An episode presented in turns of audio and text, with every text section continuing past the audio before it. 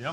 Rundt på for enden af bordet, der ligger nogle oversigter over det, som jeg vil sige. Så hvis I lige lader dem uh, sive ned af rækkerne, så kan I, kan I se sådan en uh, disposition for, for mit oplæg.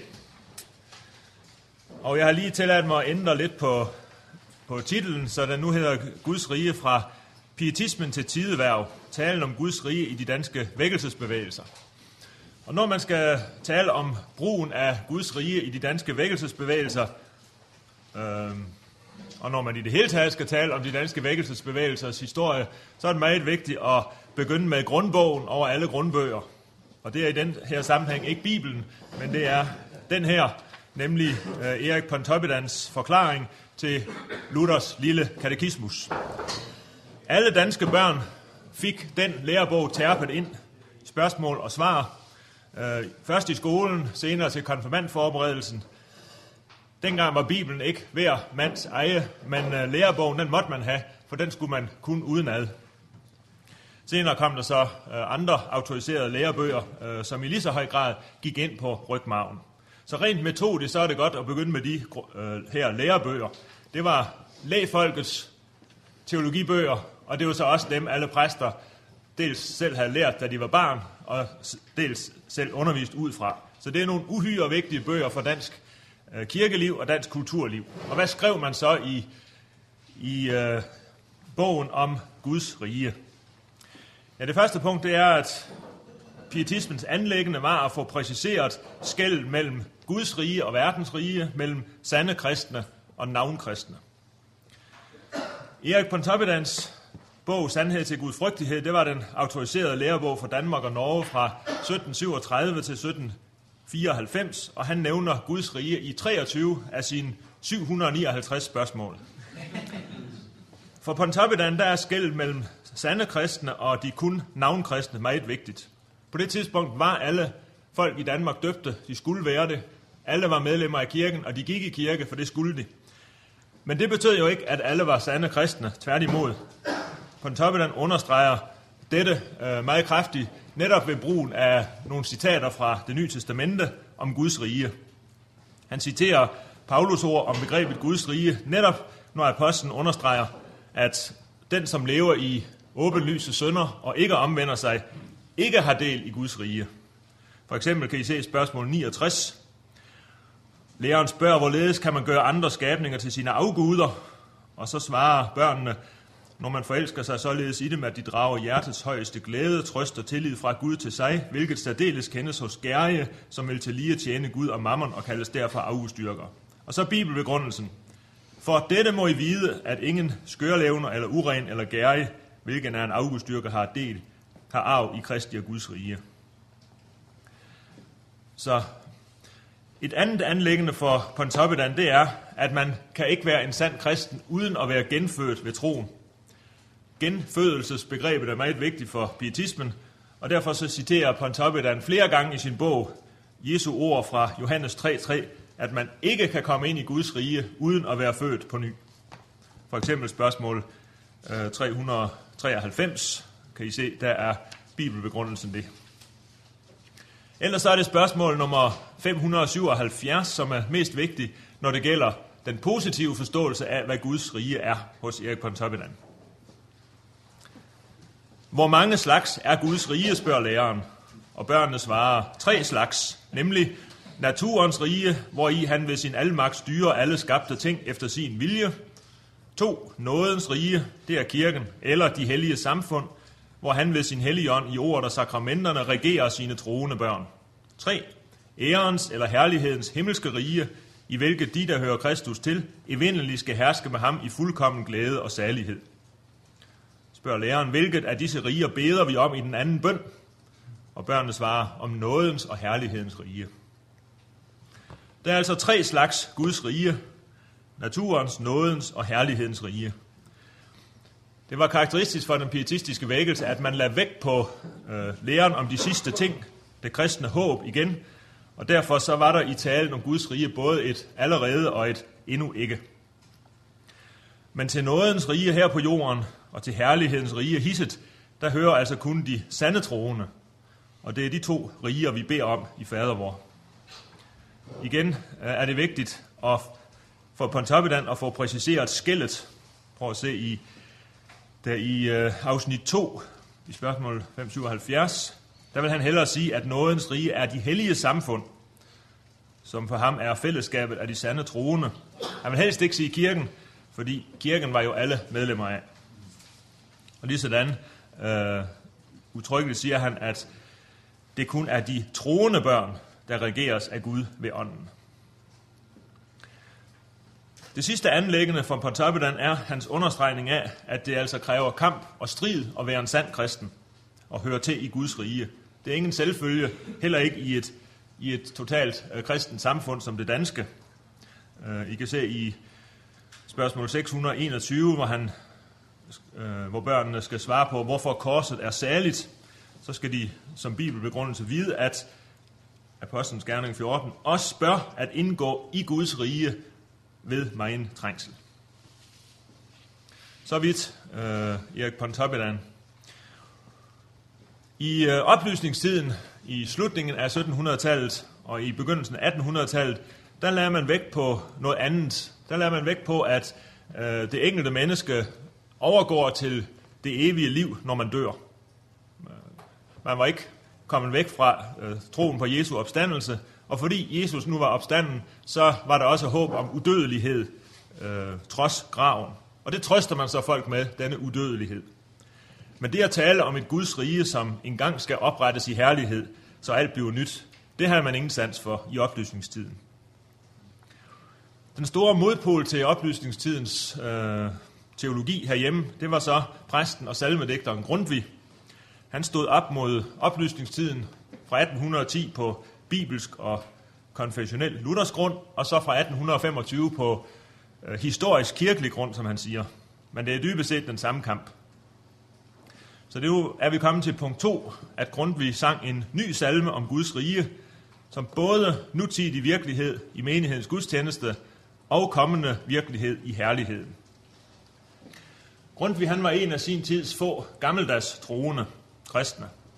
Og hans øh, indsats for den danske kirke lå ikke mindst i det, at han fastholdt øh, læren om de sidste ting, og han sang om Guds rige, som en dag skal træde frem i herlighed.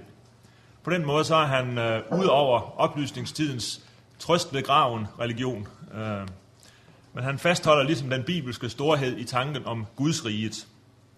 Og det har vi i øh, mange af hans salmer, for eksempel i 319, vidunderligste alt på jord, vers 10. Ja, når han kommer i det blå, er kristnes kamp til ende. Hvad troende i spejlet så, skal salige erkende. Da riget er med solekår til syne og til stede i evighedens gylden år, med ret og fred og glæde. Det er det, som Pontoppidan har lært øh, grundigt om, og som Pontoppidan kaldt herlighedens himmelske rige. Og det andet element hos Pontoppidan, det med kirken, hvor, eller de hellige samfund, hvor Gud ved sin hellige ånd i ord og sakramenter regerer sine troende børn. Det blev også et vigtigt element i Grundtvigs salmer. Ja, det fylder faktisk øh, endnu mere end skal vi sige, det fremtidshåbet. Grundtvig var den store kirkedigter. Han synger meget om, at Guds rige er allerede til stede midt i blandt os, når vi samles i Guds hus. Når ånden virker ved gudstjenesten, når saligheden opleves i troen, når Herren ved gudstjenesten er selv til stede midt i blandt os lys levende. Det ser vi for eksempel i salmebogens nummer 320. Midt i blandt os er Guds rige. Og det har jeg sat øh, skal sige, allerede aspektet i kursiv, og så har jeg sat øh, endnu ikke aspektet i spærrede typer. Men det hører altså tæt sammen i samme salme. Midt i blandt os er Guds rige med Guds ånd og i Guds ord.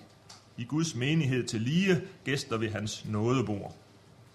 Synligt ej er her til stede. Nej. Men når os med Herrens stemme ånden kalder hver især, kan vort hjerte dog fornemme, at Guds rige kommer nær. Og når vi med tro modtage ord og ånd i Jesu navn, rigets frugt vi forud smage i det søde frelsernavn. Vi fornemmer, vi smager Guds rige, det er nutidig virkelighed. Og det mærkes på os, vers 7. Blomstre op, der skal Guds rige midt i blandt os dag for dag, bære åndens frugt til lige. Jo, det er en virkelighed. allerede nu. Og alligevel, øh, så er der også et fremtidshåbet. Det er forud, vi smager det, stod der i vers 4, og i vers 9 kommer det så frem. Og når vi med ham forklarer os som vores fødte her på ny, skal Guds rige åbenbares, synligt som ham selv i sky. Altså Guds rige er for Grundtvig noget, som opleves af den gudstjeneste fejrende menighed. Det er noget, som fornemmes og smages i hjerterne, og som også bliver tydeligt i de kristnes liv i form af åndens frugter allerede nu. Jo, sandelig Guds rige er midt i blandt os nu. Og alligevel så er det ikke fuldt til stede, for vi smager kun frugterne forud, og en dag så skal det blive synligt på himlens skyer. Det er Grundtvigs øh, store fortjeneste, at han ikke kun sang om det ene eller om det andet aspekt, men altså fastholdt et allerede og endnu ikke i samme salme. Øh, Grundtvig kender har peget på, at temaet om Guds riges komme i herlighed kommer til at stå stærkere med ordene i Grundtvigs teologi. Og, og øh, man sætter det i, i forbindelse med, at han blev påvirket af den store eskatologiske vækkelse i England omkring 1830 med præsten Irving, ham som danner katolsk apostolsk kirke. Øhm, og, øh, og den samme vækkelse førte i øvrigt skal vi sige, som sideelementer til dannelse af, af adventist øh, menigheden og endnu længere ude mormonbevægelsen. Øh, men altså, det var på frikirkelig grund. Inden for de etablerede kirker var der også fra 1830 en stærk interesse for at tale om Jesu genkomst og tusindårsriget. Og det er altså interessant nok Grundtvig, der som kender af engelsk kirkeliv, er den, der, der tager det aspekt med hjem til Danmark og har det med i sine salmer. Grundtvig kenderen Charling har peget på, at det ikke for Grundtvig var sådan, at, at øh, tidens jammer fik ham til at søge trøst i evigheden i stedet for, men at det, øh, det egentlig starter med glæden i Gud. Øh, netop i, citat, netop i glæden over Guds store frelsesværk, som Grundtvig havde oplevet i menigheden, netop under indtrykket af at leve i denne særlige tid, har Grundtvig tilegnet sig de bibelske forjættelser om Kristi genkomst og herlighedsrigets oprettelse på den yderste dag. Som en kirkedigter, så har Grundtvig tænkt på menigheden, altså hele Guds folkets fremtid, mens pietisterne mere var tilbøjelige til at tænke på den enkelte og formaner den enkelte til at søge Guds rige, mens tid er. Så der er en forskel i accent her, men der er ikke nogen modsætning, fordi Grundtvig troede jo heller ikke på, at alle mennesker blev frelst. Han var også vækkelsesmand. Kristentroen var også en dybt personlig sag for ham. Men han havde altså ligesom det frelseshistoriske øh, Guds rige med også.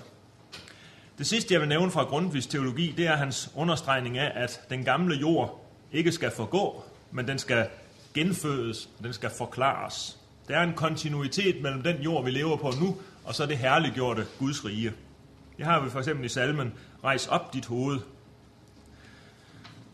Der råber Herren, jeg kommer snart, og bruden svarer med lynets fart, i sky jeg dig skal følge.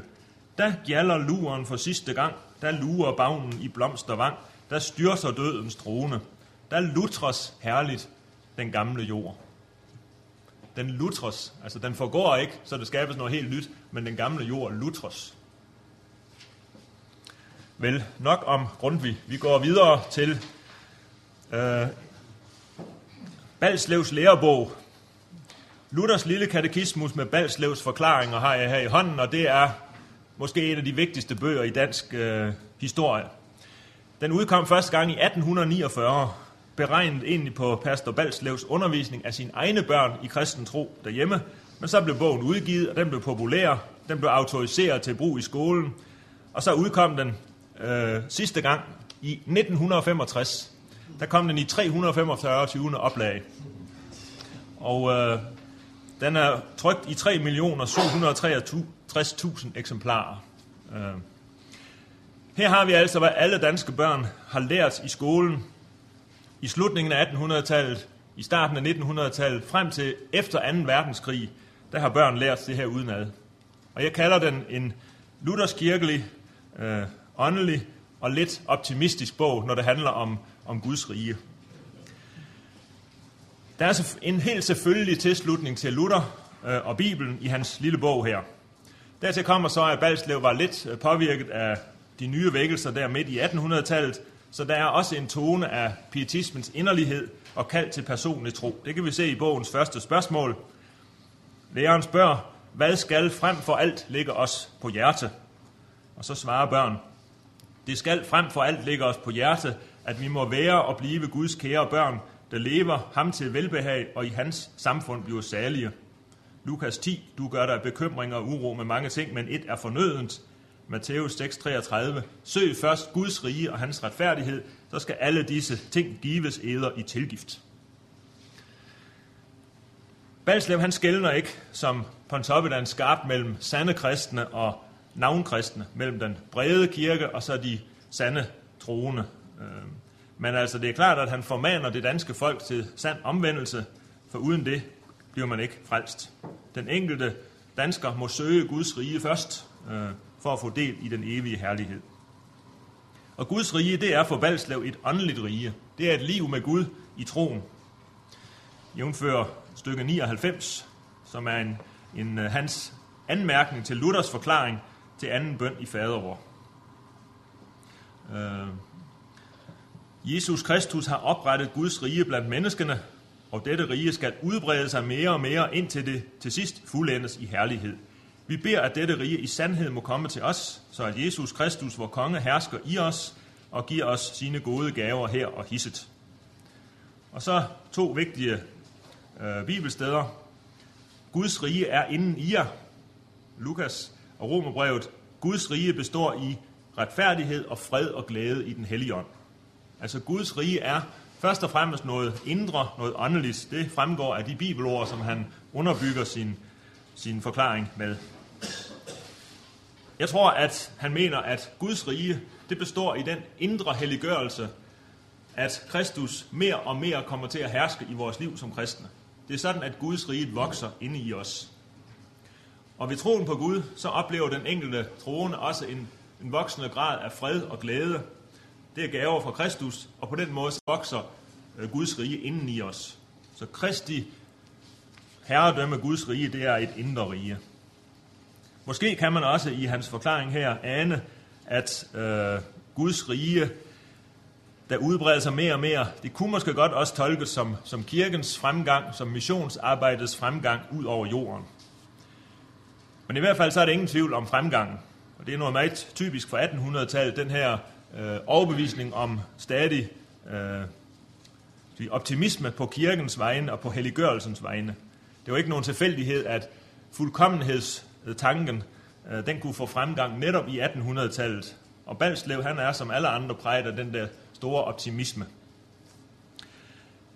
Øh, endnu ikke aspektet det har Balslev også med, fordi her på jorden, så har vi kun en forsmag af det, vi skal opleve i herligheden, hisset.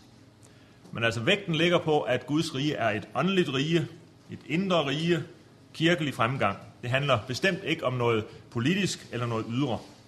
Det kommer også frem i spørgsmål nummer 81, hvor vi igen skal lægge mærke til det bibelvers, som begrunder det hele. Læreren spørger, hvad vil det sige, at Jesus Kristus er vor konge? Og så svarer eleverne, og øh, det bygger på Johannes 18, da Pilatus spurgte Jesus, om han var jødernes konge, svarede han, mit rige er ikke af denne verden. Det er altså et åndeligt rige. Det præciserer Balslev også et sted øh, lidt interessant i stykke 104, hvor han forklarer Luthers forklaring øh, og øh, præciserer Luther, for at ikke nogen skal misforstå ham stykke 104. Luther siger, vi beder som i denne bøn, som i en sum, at den himmelske far vil fri os fra alt ondt til læge og sjæl, ejendom og ære. Og så kommer Balslevs forklaring til Luthers forklaring. Han siger, i Guds himmelske rige er der ikke synd eller fristelse eller nogen slags nød og sorg. Altså, øh, Balslev han siger, det Luther mener er, øh, jævnfører Rik Bjerregaard engang, øh, om Svend Augen. Det Luther mener, altså siger Balslev, det er, at i Guds himmelske rige er der ikke nogen synd eller fristelse. Øh, for så er det ligesom præciseret, at Luthers ord, de skal ikke forstås som nogen nutidig udfrielse, men det skal forstås om den øh, skal sige, fremtidige eskatologiske udfrielse fra alt ondt. Punkt 4. Så kommer vi til Indre Mission, som talte om Guds rige som udtryk for den sande og bevidst troende del af de mange døbte, og Guds riges arbejde, det forstod man som det bevidst troende og missionerende kristelige arbejde. I Indre Mission i 1800-tallet, der videreførte man anlæggerne både fra Pontoppidan og fra Balslev. Skældet, det var vigtigt for Indre Mission mellem de sande troende og de, der kun var kristne af navn. Det er ligesom Pontoppidan. Wilhelm Bæk siger, at få vist mennesker forskellen på Guds rige og verdens rige, Guds folket og verdens folket, den store forskel mellem de hellige samfund og denne verdens børn, ja, det er en vigtig opgave for en præst. Fordi så kan mennesker, når de blev klar over det, føres ud af verden og ind i Guds rige. Det vil sige, Wilhelm Bæk brugte ikke ret tit udtrykket Guds rige, han talte hellere om de helliges samfund. Når man i Indre Mission brugte udtrykket Guds rige, så var det lidt i den forstand, som, som vist nok også Balslev brugte, altså Guds rige som det kristne missionsarbejde, der skal brede sig ud over jorden og have fremgang. Og Wilhelm Bæk så på Indre Mission som en del af Guds riges arbejde. Kirken ville man ikke kalde Guds rige, fordi folkekirken var jo en blandet størrelse af troende og ikke troende mellem hinanden. Så øh, det gælder om at, at fremelske Guds rige, forstået som det, at Kristus virkelig bliver herre og regerer over enkeltpersoner. Inden for det kirkelige arbejde, så var det også vigtigt for Indre Mission at drage et klart skæld. Der skulle være mission i det øh, kirkelige arbejde, så mennesker virkelig blev ført over fra verdens rige til Guds rige. Øh, derfor var det ikke alt kirkeligt arbejde, som også var Guds riges arbejde. Og øh, da man i 90'erne øh, havde den store Harbo Øresag med en voldsom avispolemik mod Indre Mission, også fra andre kirkelige retningers side, så øh, blev Wilhelm Bæk mere tilbøjelig til at gå ene gang. Han siger, at verden træder bestandigt mere fjendtligt op mod Guds rige sag, og derfor så måtte man opbygge egne øh, og institutioner. Indre Mission ville være et stykke af Guds riges arbejde, men, øh, men andre i kirken kunne jo også have et klart syn for levende personlig tro, og havde man det, så drev de også Guds riges arbejde. Og derfor opstod det lidt mærkelige begreb, som hed Guds riges grundvigianere. Øh, det var en betegnelse for de vækkelsesprægede grundvigianere, dem som var gammel grundviske, de var Guds riges grundvigianere, til forskel fra andre, der også førte sig frem under Grundtvigs navn. For Indre spiller øh, læren om de sidste ting egentlig ikke nogen særlig rolle. Selvfølgelig så benægter man ikke på nogen måde Jesu genkomst eller Guds riges oprettelse i herlighed, men øh, det spiller ingen rolle, for det var kaldet til afgørelse her og nu, det handler om. Det at, at lede den enkelte fra verden til Guds rige ved omvendelse og tro. Så det er en, en åndelig tale om Guds rige, og den svarer meget godt til alles grundbog, nemlig Balslevs katekismus. Men den her øh, åndelige tale, den var der så nogen, der reagerer imod. Så kommer vi til punkt 5. Guds rige som en åndelig tilstand, der virkelig gør os her i verden som en retfærdighedens og barmhjertighedens tidsalder. Og øh, så skal vi lige have den øh, udenlandske baggrund lidt med her. Fordi i Tyskland var der en, en øh, teolog, som hed Ritschel, og øh, så var der en helt stærk liberal teologisk strømning i slutningen af 1800-tallet og ind i det tidlige 1900-tal. Og der havde man en ny forståelse af, hvad Guds rige er. Man reagerer i liberal teologien mod sådan en meget åndelig og meget, øh, en, altså en åndelig forståelse af Guds rige, som i vækkelsesbevægelserne, og så reagerer man også mod, mod den der så at sige, eskatologiske, fremtidsorienterede tale om Guds rige. Det synes liberale teologerne, tanken om Jesu genkomst og dom på den yderste dag, det må være en jødisk rest. Øh, det kan jeg virkelig ikke sige moderne mennesker noget. Så vi må omtolke begrebet Guds rige, så det kan sige moderne mennesker noget. Og derfor så opfatter man Guds rige som en størrelse, der kan og skal mærkes her og nu, både socialt og politisk. Guds rige skal kunne mærkes i, som noget øh, mennesker ligesom arbejder for at virkelig gøre her i tiden. Så Ritschel han satte nærmest lighedstegn mellem Guds rige og så kulturelle fremskridt. Øh, Ritschel var en optimist, som alle i 1800-tallet, både på det religiøse og moralske område, og hans øh, hovedord, når det galt Guds rige, det var det Jesus ord, der siger, at Guds rige er inden i jer. Og Ritzel så derfor Guds rige som sådan et, et indre rige af, af skønne og, og gode ting i verden. Bordet af mennesker, som vil det rigtige, så vokser Guds rige frem i denne verden øh, mod stadig større fuldkommenhed. Ritschels øh, teologi, den vandt mærkeligt nok meget gehør i USA. På det tidspunkt strømmer mange amerikanske studerende til Tyskland for at læse ved de bedste universiteter, og så vender de hjem til Amerika, øh, influeret af Ritschel med en social gospel teologi, hvor de med typisk amerikansk handlekraft går i gang med at virkelig gøre Guds rige her på jorden. Det mærker man i Danmark lidt af omveje, fordi øh, den nye amerikanske teologi, den spillede meget ind på missionsmarkerne, og den spiller ind i øh, resolutioner fra internationalt økumenisk arbejde og missionskonferencer. Der var amerikanerne aktive. Den kendte amerikanske missionær Stanley Jones, han så Guds kongeherredømme i et hvert fremskridt, øh, der blev gjort i Guds navn.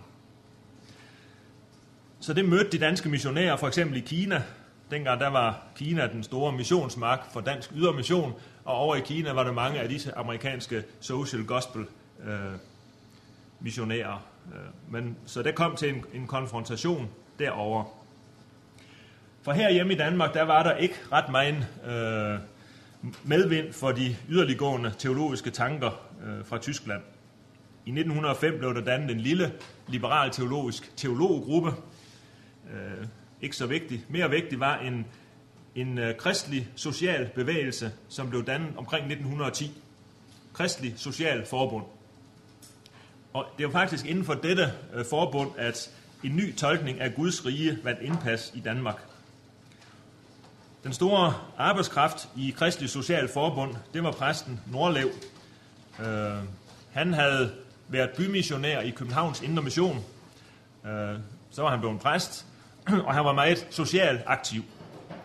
Han var også politisk aktiv, først i Socialdemokratiet, og senere som, senere som medlem af Folketinget for Danmarks Retsforbund, hvis nogen endnu husker dette politiske parti, som øh, ja, det findes endnu, øh, og det er faktisk et politisk parti, som har baggrund i, i de kristelige sociale tanker. Men denne Nordlev, han var meget aktiv i, i Kristelig Sociale Forbund, og, øh, og han var faktisk med til at ødelægge dette øh, forbunds muligheder, fordi han, øh, hans teologi var så omstridt. Han udgav en bog, der hed Dogmefri Kristendom. Det var ikke øh, vel anset.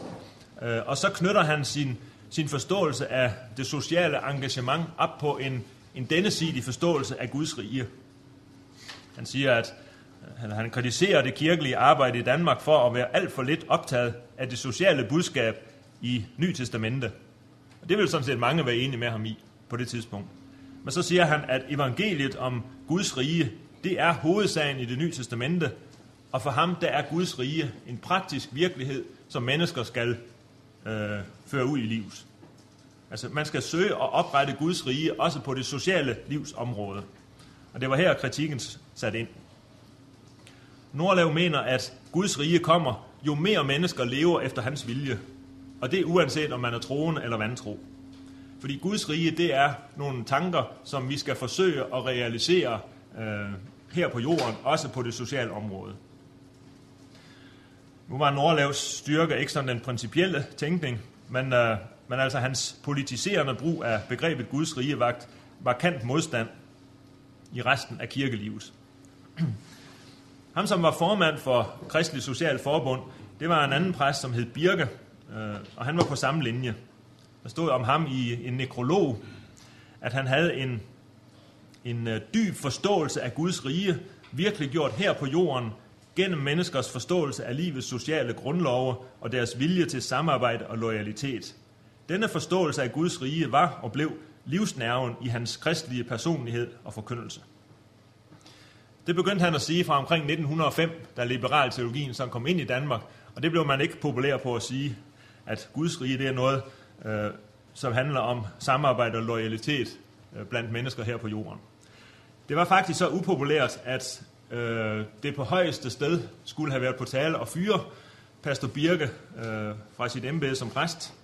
Men hans biskop, det var den konservative grundvigianer Skat Rørdam, og han ville godt holde hånden over sin, sin, øh, sin præst, men han bad ham så om ikke at sige den slags fra prædikestolen. Øh, det blev han nu ved med Birke, og øh, han endte faktisk med at være formand for præsteforeningen fra 1920 til sin død. Øh, den tredje repræsentant for den nye gudsrige forståelse, jeg vil nævne, det var den senere stiftsprovst, dr. Theol Paul Brodersen, som i 1925 udgav den her bog, som hedder De dødes opstandelse og Kristi genkomst. Og det er øh, den første teologiske bog i Danmark, som sætter Guds rige op som et, et tema til teologisk behandling. Og øh, han er på den samme linje som, som Nordlev og Birke. Øh, han kalder kristne til kamp for det gode i verden, ud fra en tro på, at der er en kristen optimisme, som grunder sig i troen på, at Gud er større end det onde. Så der er altså håb om, at vi kan gøre verden bedre. Øh, og I har det citat, hvor han siger, øh, i en sådan krise har vi lov at spejde ud efter Kristi åbenbarelse. Vi venter da ikke, at hans synlige skal komme på skyerne, men at hans sandhed skal lysne op for menneskene, og hans ånd gribe samvittighederne og hjerterne. Så altså når Kristi lærer, den ligesom griber menneskers samvittighed og, og hjerter, så, så er Guds rige ligesom øh, ved at blive virkelig gjort her på jorden. Det er, hvad Guds rige betyder for en moderne teolog anno 1925.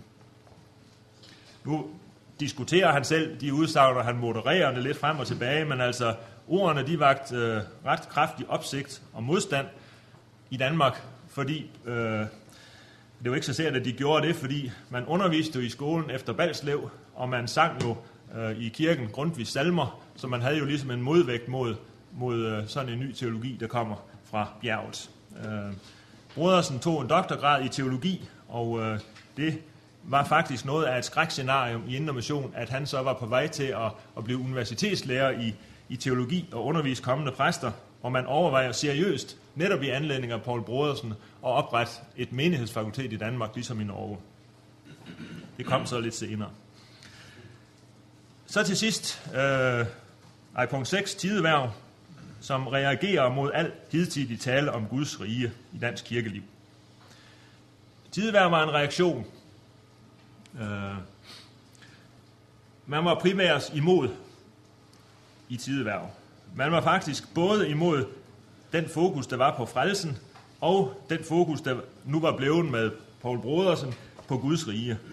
Altså, både, man var i tidværv både mod innovation og mod øh, de liberale teologer. Øh, citat.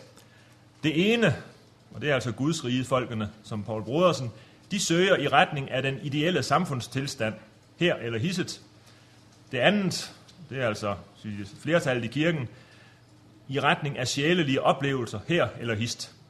Det første får flertalskarakter, det sidste får entalskarakter, men begge steder er ganske umærkeligt mennesket ved at træde ind på den centrale plads. Vi hos de liberale, og jeg hos de pietistiske, siger altså tideværv i 1927. Og øh, så siger Gustav Brønste, det er i en uhyggelig grad gået selv, gået ego i frelsestanken. Og hvordan skulle vi så forstå, hvad Guds rige er? Og så siger Brønsted noget om, at først når begge begreber, både det med frelsen og det med Guds rige, bliver forstået ud fra, hvad Gud vil, og hvad Gud gør, og ikke fra, hvad vi vil, først da kan man ligesom forstå spørgsmålet. Han synes, at Guds rige tanke, den er blevet øh, ødelagt, både i, hos de liberale og hos de pietistiske øh, fordi man begge steder tænker på sig selv og sin egen indsats, og i virkeligheden skulle man tænke på Guds gerning.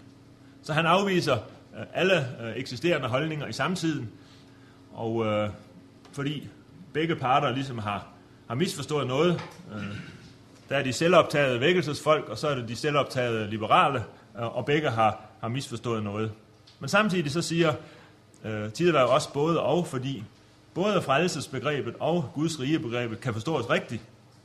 Øh, det er så bare ikke tideværvs opgave at sige, hvad der er det rigtige, for deres opgave og kald i verden, det er at kritisere alle andre.